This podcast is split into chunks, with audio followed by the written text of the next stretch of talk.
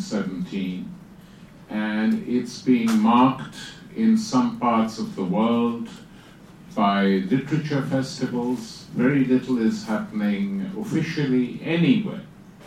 Uh, I think China, surprisingly enough, might have the biggest uh, re- uh, celebration of it uh, this October. In Putin's Russia, it's not being celebrated at all. Uh, they are saving their celebrations for next year when they will be paying a warm tribute to the Tsar and the Romanov dynasty. Uh, which figures because it's a national conservative uh, regime, and uh, this is uh, uh, what they will defend together with the Orthodox Church. So, no commemoration at all. The Russian Revolution, we have to look at it now historically, since um, its impact is intellectual, if anything. Uh, there's uh, nowhere where such a regime exists, and so we have to discuss it like we discuss the other great European revolutions, of which the Russian Revolution was the third and till now the last. What were these revolutions? The first was, of course, the English Revolution of the 17th century, carried out by Oliver Cromwell and the nascent rising class of uh, bourgeoisie and the merchant traders who were the central financiers of Cromwell's revolution.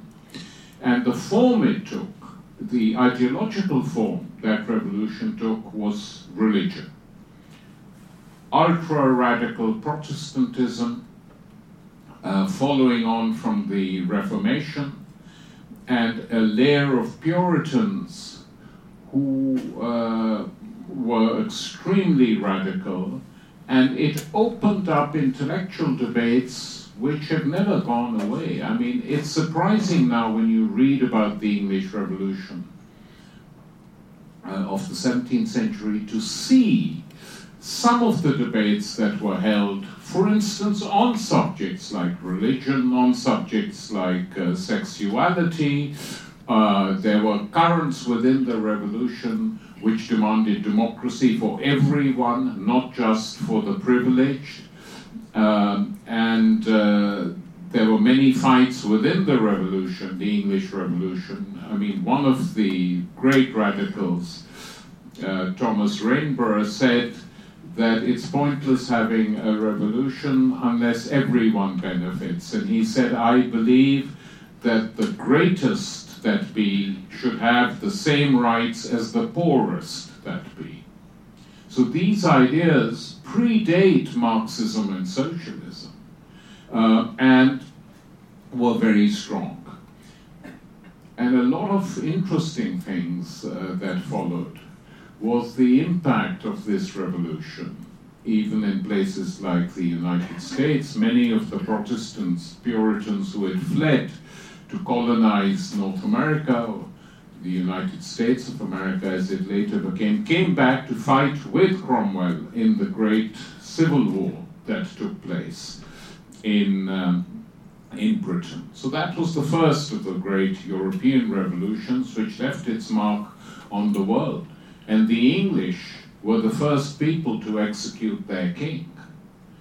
Uh, this is also worth remembering because uh, you know today people have very short memories. Uh, so the second big revolution, of course, was the French Revolution, of which much more is known, much more uh, has been written. This revolution too got rid of the monarchy in the most extreme fashion possible by trying them and executing them.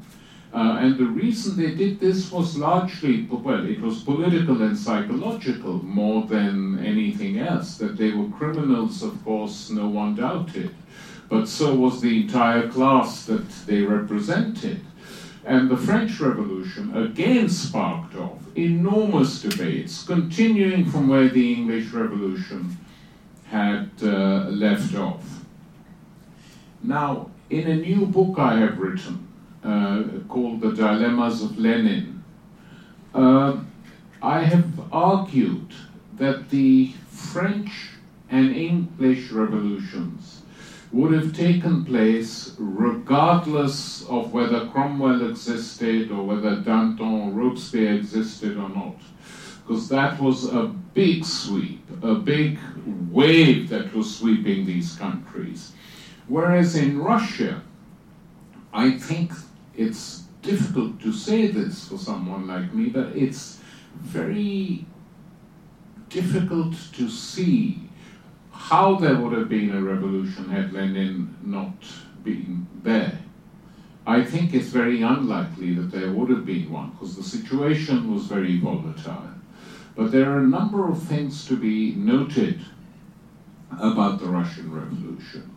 That this was one part of the world, close to Europe and largely a part of Europe, that had made no democratic reforms at all. The Germans had done it, the Italians had done it, the English had done it, the French had done it. Tsarist Russia alone refused to carry through reforms.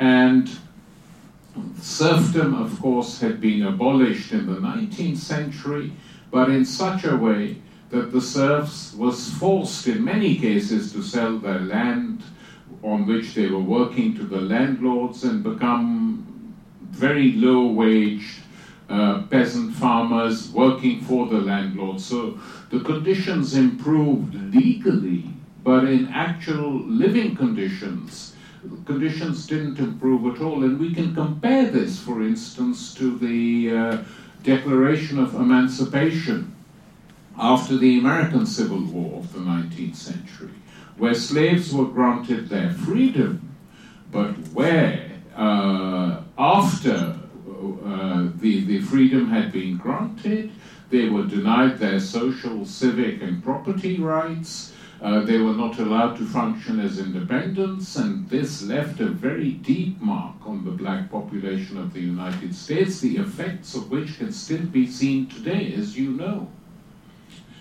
White supremacy in the United States went very deep in that culture and that uh, society. And the few changes that were made were made immediately after the Civil War, and the most radical people carrying these out were the generals of Lincoln's army.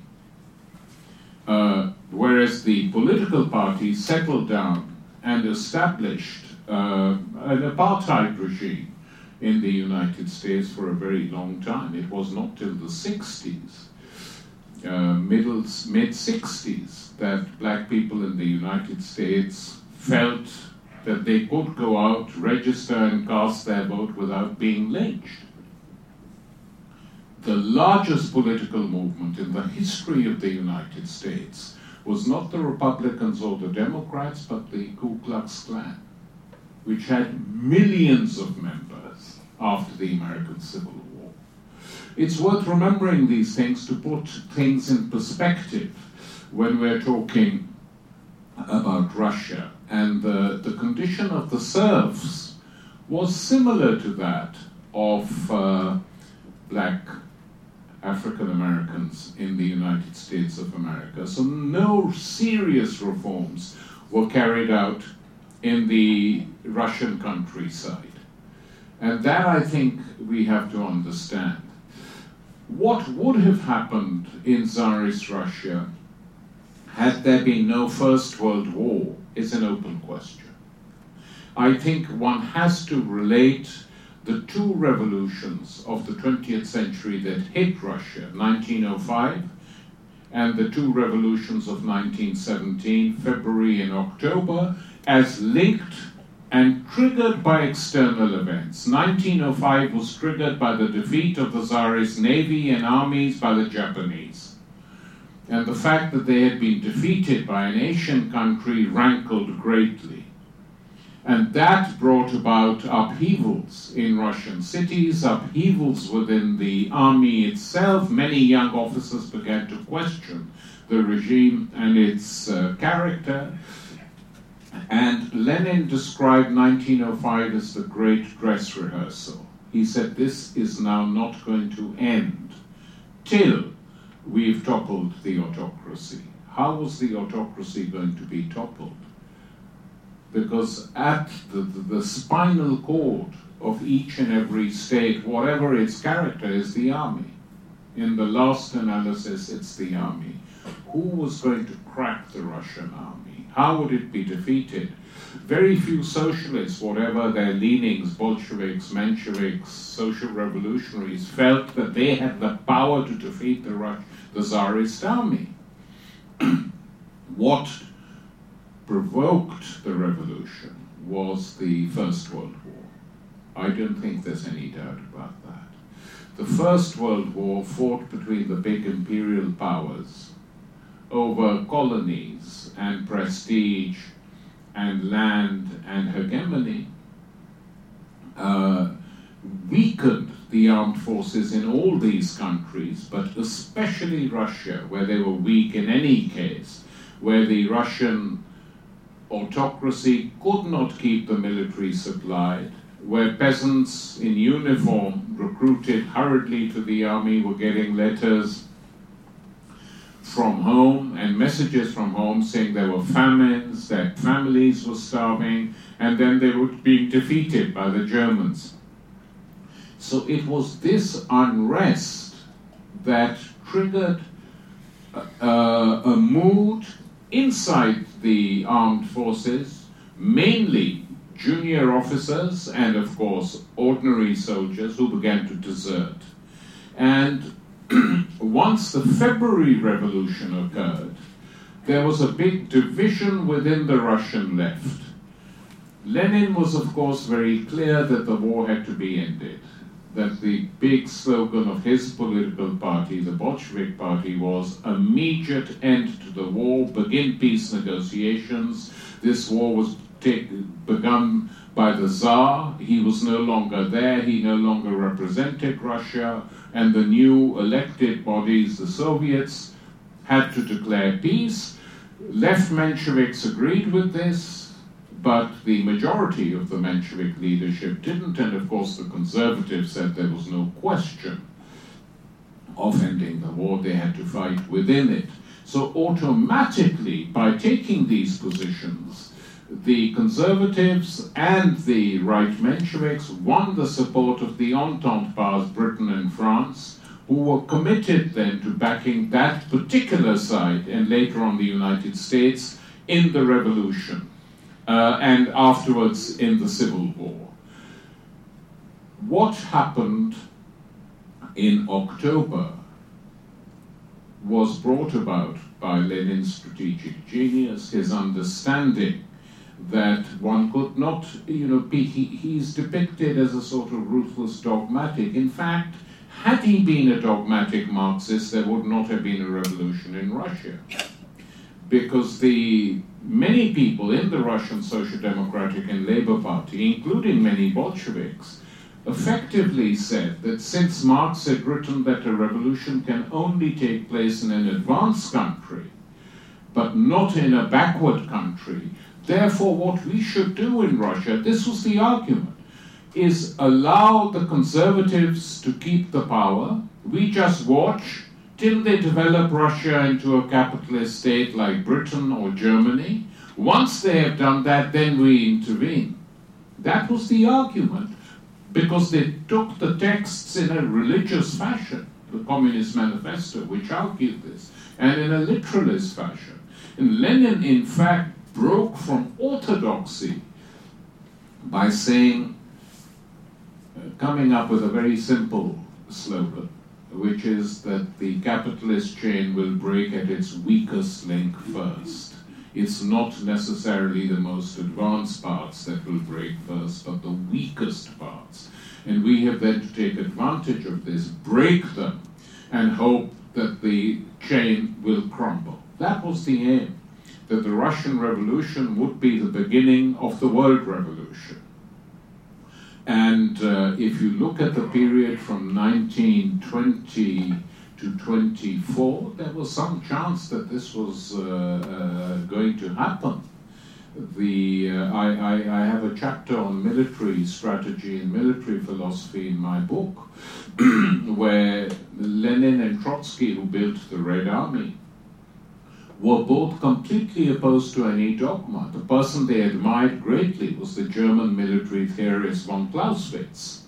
Uh, uh, and they said that war effectively has to be fought politically and has to be defensive in character.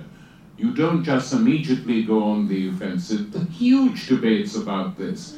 And when uh, someone would say to uh, Lenin, but this it was written by Engels, he said, look, Marxism is an approximation, it's a way of looking at the world. Marxism has no understanding of many, many things in our world, including how to fight a war. They didn't know, they didn't think about it, these problems didn't arise when they were alive. So please don't give me this argument, but Marxists say. How could Marxists say when they didn't know? Uh, so, uh, this sort of argument, of course, upsets some people, but it's the argument which enabled Lenin to push his party forward and to win a majority in the Soviets in uh, Moscow and Petrograd and make the revolution. The revolution itself was made with very little violence. The violence came in the civil war, which started a year, a year and a half later. And that civil war depleted Russia of many things, of grain, many of the workers who had participated in the revolution were killed in the Civil War. So it was the Civil War that was damaging, and here you had the, the revolutionary Russia on its own fighting against the powers of the Entente. 22 armies in Russia to try and defeat the Bolsheviks. They failed. And then the revolution was isolated because every single Bolshevik leader believed that Russia was only the beginning, Germany would be the next port of call for the revolution, and the linking up of German industry and Russian space would enable your, uh, uh, socialism to triumph all over Europe. That was the aim, and that's what they wrote. When they saw that the European uh, uh, revolution had been defeated, that all the social democratic parties had capitulated to the war fever, had become and espoused national chauvinism ideas. They were shaken, but the choice was limited what to do to stop everything or to carry on. And they decided to carry on. And so the revolution, where it succeeded, was not in Europe, but on a global scale in the following sense. In 1917, the uh, Russian Revolution succeeds in October. In 1919, a small group of Chinese intellectuals meet and decide that they should form a, a, communist party in China and not be subordinate to the Chinese nationalists. In 1921, they form a communist party this Communist Party in China, despite defeats, finally, uh, again using the Japanese occupation of the country, showed that they're the only social and political force in China that can defeat the Japanese empire and Japanese imperialism. And they do it. They do it uh, by a long, hard struggle. So, from Russia, the revolution, instead of jumping to Germany, jumps to China. So, two of the largest countries of the world now in, uh, are, are, have destroyed capital and capitalism and its grip and hold over these two countries. And then, of course, uh, the Vietnamese struggle is, is taking place, and in the late 20th century, the revolution jumps from uh, the continent of uh, Asia to uh, South America with the Cubans. Uh, so the impact of the Russian Revolution on the 21st century has been global. Unlike the revolutions that came before it, the impact of the French Revolution was partially international.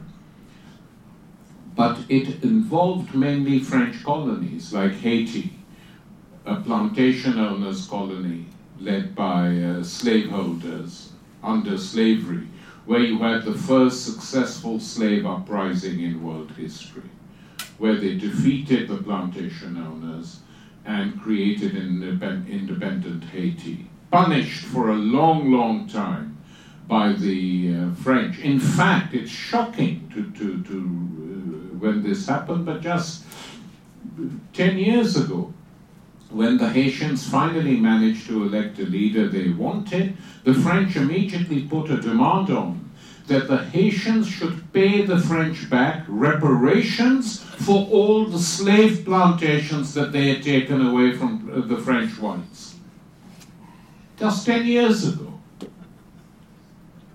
This is sort of European civilization that wants to teach uh, uh, backward Africans uh, what the future looks like. So these historical things don't go away. You know, they, they, they stay. So um, the 20th century was effectively, uh, very seriously affected by the Russian Revolution on two levels. One, the colonies, decolonization. We don't know when that would have happened had it not been for the Russian Revolution. There's no doubt that the Russian victory uh, in the Second World War gave it enormous prestige. And here too, you know, how history is rewritten if you look at all the films being made, the books being written, whether it's Saving Private Ryan or Dunkirk or some other crap like that, I mean, what it completely ignores, completely ignores, is the role played by the Red Army in the Second World. Soon school children won't know Russia was even involved in that war. The two biggest tank battles of the Second World War took place in Kursk and Stalingrad. This is what broke the back of the Third Reich's armed forces and the Wehrmacht. I mean, people today don't understand the importance of this, but had this not happened, had Russia fallen, had it not resisted, perfectly possible that Europe would have fallen. Certainly the Americans thought Europe was going to fall. Roosevelt asked Churchill, perhaps you should send your navy to safe ports in the United States where we can look after it. They thought Hitler was going to sweep through Europe. No one would be able to defeat him. American, if you look at American documents, they said Russia will not be able to resist. But resist it did. And that too, that army that was built during the Civil War, later went on to become a fighting force. It made huge number of mistakes. If Stalin hadn't executed some of the top generals, I mean, General Marshal Tukhachevsky in particular, had mapped out two years before the Second World War, before the attack on Russia, he had some mapped out the exact form that the German invasion would take, where it would happen, and what German tactics uh, uh, would be. And he warned don't wait too long and don't draw them in too much, Tukhachevsky warned. He said the minute they come in, throw everything on the, at them, inflict a huge defeat that demoralizes them so they can't enter our country. Of course, uh, you know, he gave lectures at the Staff College the last military maneuvers carried out by the Red Army uh, with him in command went through all this. So they at least they knew, but yet they made a huge number of mistakes because most of the generals in command were mediocrities. The best had been killed by that paranoid Stalin. And finally, he had to release many imprisoned generals who had worked with Tukhachevsky to get them into the army again, and they came out and they fought. So that victory also had an enormous impact. uh, uh, globally. And for the European powers to hang on to their colonies in Asia and Africa was, um, was not going to be a serious option. And they couldn't do it. Uh, in, in China and Vietnam, of course, we know the, the struggles and the extent of those struggles. And you know, interestingly enough, even though China has transformed itself uh, and encouraged uh, capitalism, the way in which history is taught in China is very different from Putin. They teach the history of their own revolution and they teach the history of their own party. And they see this phase as a phase of rebuilding and modernizing China. Whether they are right or wrong, we'll see. But that is how they look at it. And if you look at some of the uh, films that they, the Chinese Ministry of Culture has made on the formation of the Chinese Communist Party, uh, you could, it's, it, they're all on Netflix, by the way, so you can get hold of them if you go to uh, the Chinese, China website. I mean, the one on the formation, I think, of the Chinese Communist Party is called uh, The Beginning of the Great Revival seeing the Chinese Revolution of 1949 as the beginning of the great revival of China as a global player. Uh, uh, and as, as a process that is not yet over. Very, very interesting films uh, being made in which they don't disguise the mistakes they made or who was in charge of the party. Much more honest and truthful than their Russian equivalents who, right till the end of the Soviet Union, couldn't tell the whole truth. You know, little bits of truth, little bits of never the whole truth, to tell the people, to trust the people, this is what happened, this is what we do. But nonetheless, despite that, uh, the, the, the role of the Soviet Union in, in the world cannot, uh, cannot be uh, denied and it acted as a deterrent to the wilder actions of the United States. We talk about the Vietnam War. This war, you know, was a very courageous and heroic war, but it was helped greatly by Soviet weapons and uh, ground-to-air missiles you know, one shouldn't, one can't be too demagogic and say it was fought by the people on the ground. Yes, it was fought by people on the ground, but people on the ground couldn't have defeated the world's most powerful military power just on their own without receiving aid, both from the United, uh, from the Soviet Union and uh, uh, prior to that from China. The mystery is, of course, why. some uh, countries made it and others didn't. India, for instance, where, which developed a very large communist party, but never got close to making a revolution. And a delegation of Chinese communists, whose, one of whose uh, members I knew, uh, described to me how they had gone, how they had gone to see Ho Chi Minh in Hanoi uh, in the 70s uh, and uh, asked him, saying, he said we, he told me, he said we said to Ho Chi Minh, comrade, explain one thing to us. The size of the Indo-Chinese Communist Party and the size of the Indian Communist Party was roughly the same in numbers and, you know, but of course not proportionately.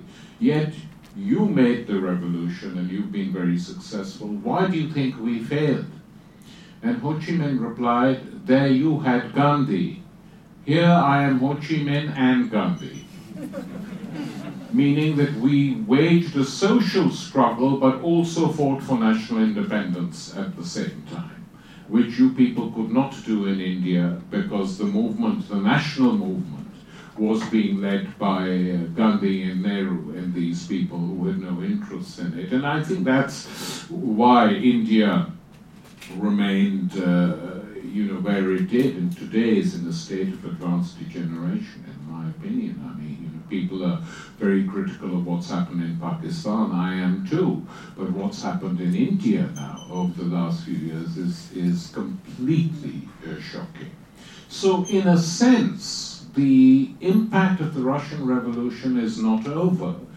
It will finally be tested, I, I think, in what happens in China. And that uh, we won't know, I think, till the middle or the possibly even the end of the century. I mean, the Chinese play the long game. And as it is, the uh, world market has moved eastwards. The role China plays today in the world is not too different from the role Britain used to play in the 19th century, when its trading ships and its traders went everywhere and it became the dominant power. I, mean, I obviously hope the Chinese don't become an imperial power, because that would be a way of committing suicide. I think one reason why the Soviet Union collapsed is because the, the Soviet bureaucracy had no vision. They just wanted to mimic the United States time and time and time again. And this mimicry meant spending a lot of their money after the commodities boom in building their army and wasting so much money on it that they had nothing to give their people, which they had done in earlier periods. And so no one defended them. There was no big movement to end the Soviet Union. That was done from the top, by the with the backing of the United States. But uh, it, it, and the Chinese warned them, don't do it. When Gorbachev went to China, he met the Chinese leaders and they said, We watch nervously what you people are up to, and you're making every mistake in the book. And Gorbachev said, Why? They said, Well, look at us. Forget perestroika for the time being, just uh, forget glasnost for the time being, just concentrate on perestroika. Transform your economy, and once you have done that, it'll be time for changes. But if you transform your economy without the party in control, you will go all over the place. And it's exactly what happened. Exactly what happened. So the story isn't over. The story of the Russian Revolution is over in the sense we are unlikely to see a revolution like that in Europe. Uh, as to what sort of upheavals we'll see here remains to be seen. We are discussing that later this evening in a panel.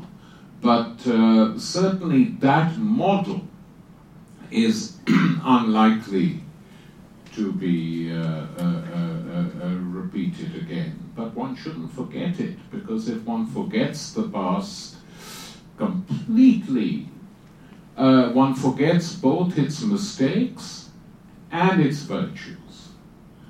And that is very common today. I mean, if you, uh, you know, I could say that the um, uh, the the the uh, revolutionary wave that took Europe and carried on till after the Second World War, finally finished in the late 60s with the last big radical wave which embraced classical socialism and classical Marxism.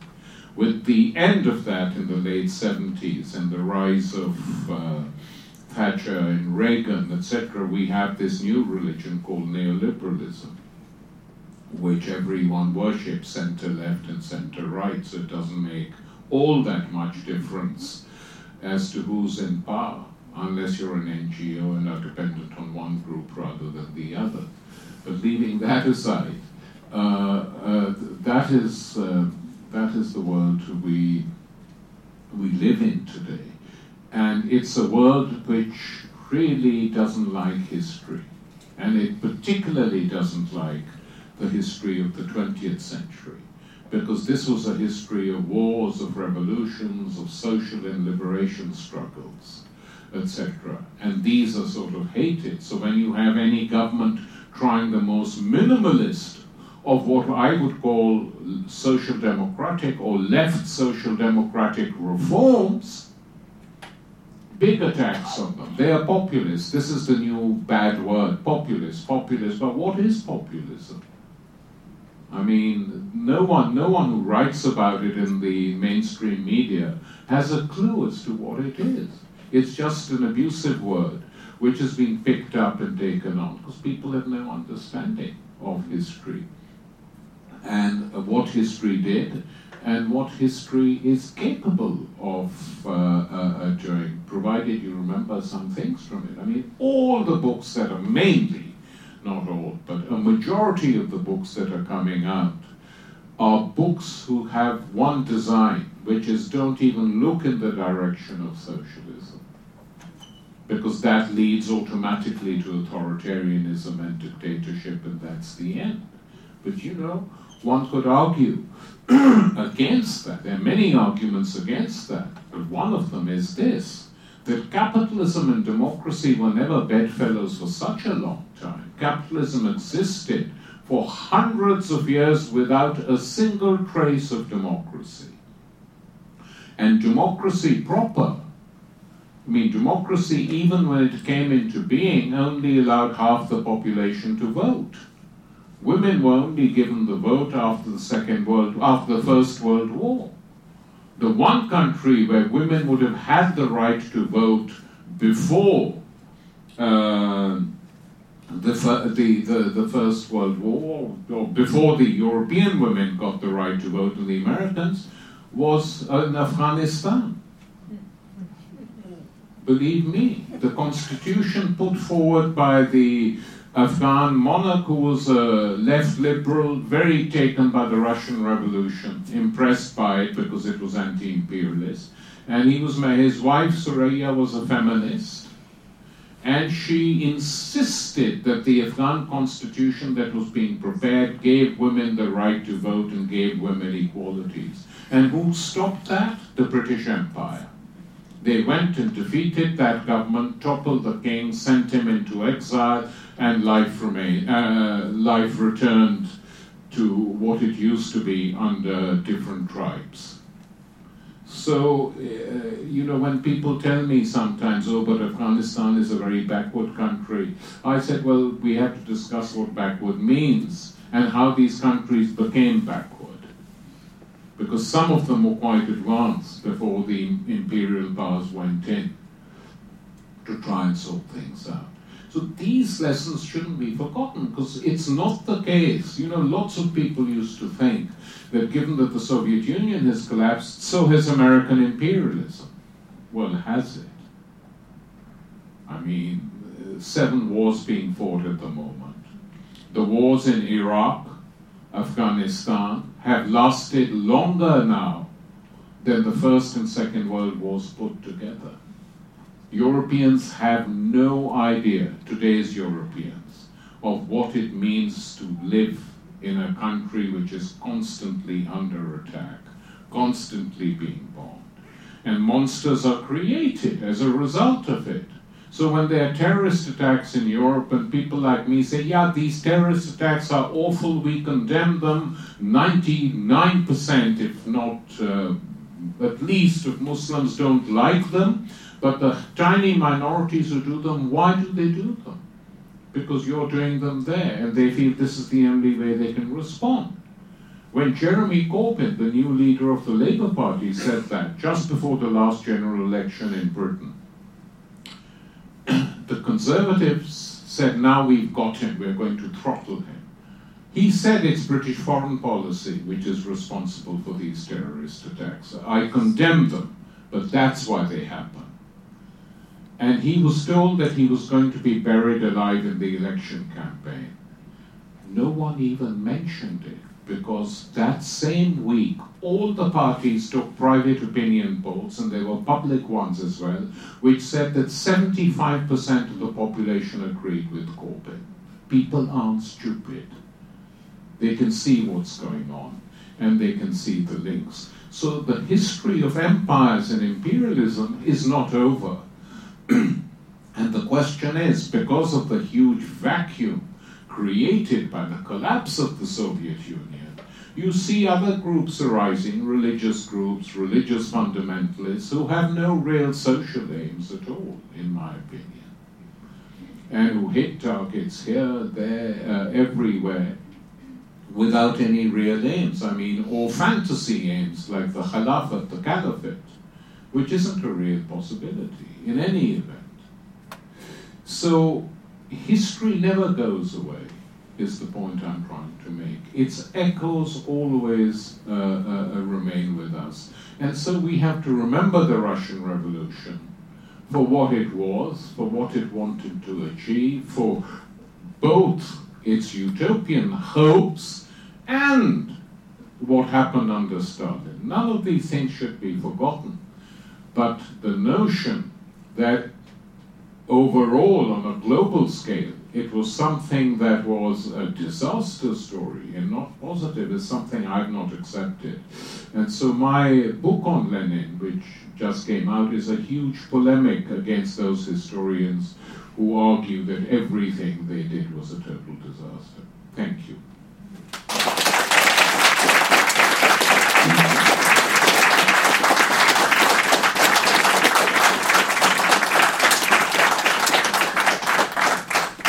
Happy to answer questions. Any questions?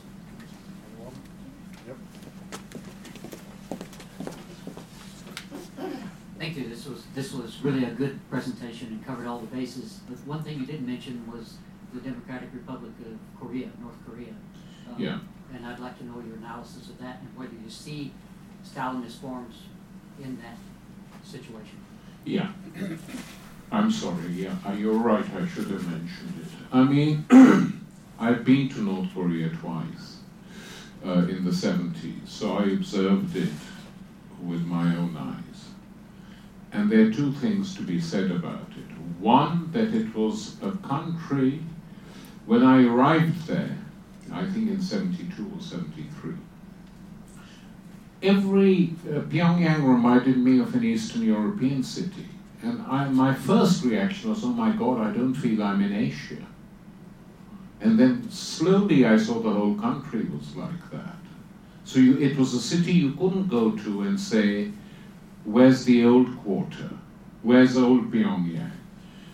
During the Korean War of 1950 to 53, the United States had destroyed every single habitation that existed in them. Everything, except the building in Panmunjom where the negotiations were taking. Everything had been destroyed.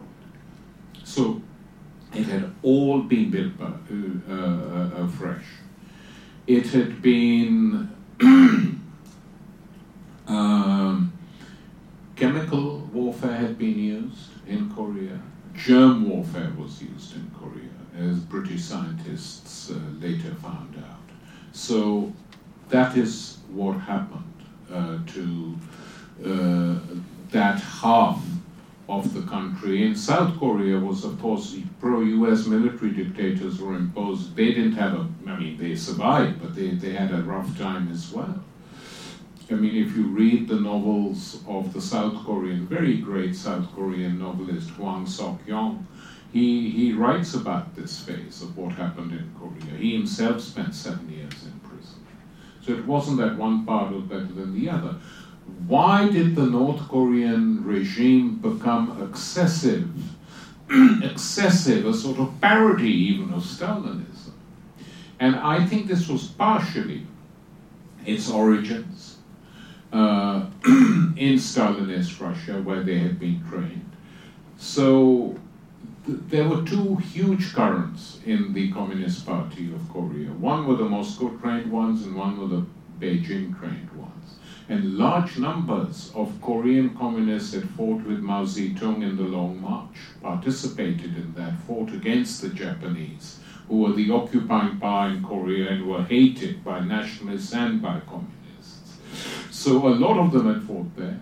What Kim Il sung did was wipe out all the left in which had assembled in Pyongyang after the Second World War and not leave any rival in sight. That's what he'd learned from Stalin, and that made the regime a parody and a family regime. I mean, you know, three Kims in a row. For God's sake, it's bad enough uh, having one of them, and uh, and they don't learn from this. So, but having said that, that is not the only thing to be said. Uh, about uh, what happened to this country and uh, uh, what it created. It was it's still under siege. It's still under sanctions. It's surrounded by United States uh, naval ships and submarines armed with nuclear weapons. There's a large US military base in South Korea uh, with nukes, uh, missiles.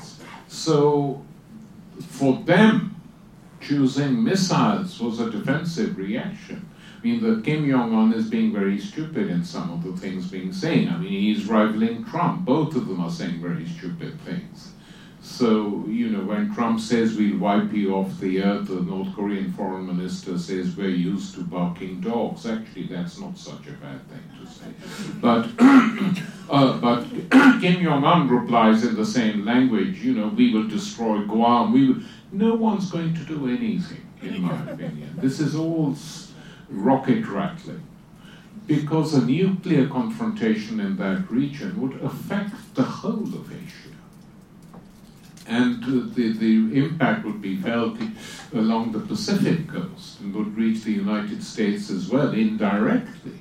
I mean, it's not a joke to say we're going to use nuclear weapons. But the question is this there was a period when Korea could have been united, a soft reunification, not on the German model, but a softer version. Uh, but the Americans backed out. Clinton and Albright were partially in favor of it, uh, but when Bush came in, they decided against it. And when I asked one of uh, Donald Rumsfeld's advisors off the record, we had been debating publicly about the Iraq War, and I said, let's, we've debated about Iraq, I, we don't agree with each other, but could you explain to me why you did what you did in Korea? You stopped any talks, and she said, yes, we did. So I said, could you explain why? And she said, well, you know, people like you don't think about what we face. I said, no, I try to so I can respond to you, but uh, tell me anyway. So she said, you don't see the gleam in the eye of the South Korean generals when reunification is mentioned. Because even the softest of reunifications will make Korea into a nuclear power. That means the Korean Peninsula is nuclear. If the Korean Peninsula is nuclear, Japan will want nukes. There's no question about it. If Japan, uh, the Korean Unified Korean Peninsula, and China all our nuclear powers, that will shift the relationship of forces against the interests of the United States of America. I said, okay, it was quite a serious. I said, you're probably right, it would do that. So she said, that's the reason. I said, now you've given me your reason because you, you feel it'll weaken you, but what about the Koreans? And she said, well, you know. That's the situation now. I mean, I can't see a war breaking out because it could be a non nuclear strike. But for the Americans to carry out a non nuclear strike against uh, uh, North Korea, the Koreans certainly have the capacity to, to do the same against US military bases in South Korea. And they will do it. Then what? Where will it end? I think within the Pentagon there must be generals pulling their hair out saying, stop behaving like this. Calm down, calm down. Short question.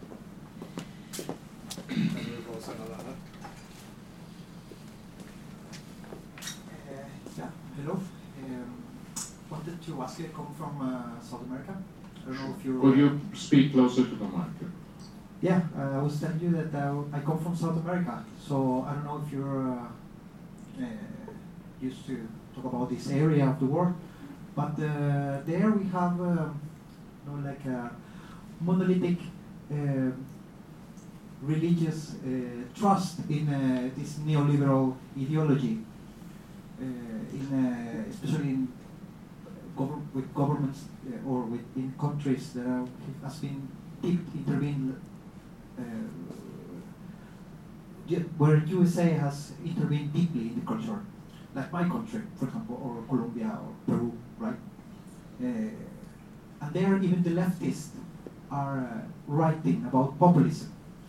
And uh, one of the things I, I, I, I, I can quote one of the, the fountains of this uh, thinking was, uh, for me, uh, was a, a, quote from Jacques Lacan, this uh, French psychoanalyst, psychoanalyst that said, the only thing a revolutionary wants, really, is another master. What do you think of this assertion? What do you think of... Uh, what assertion? Could you repeat that?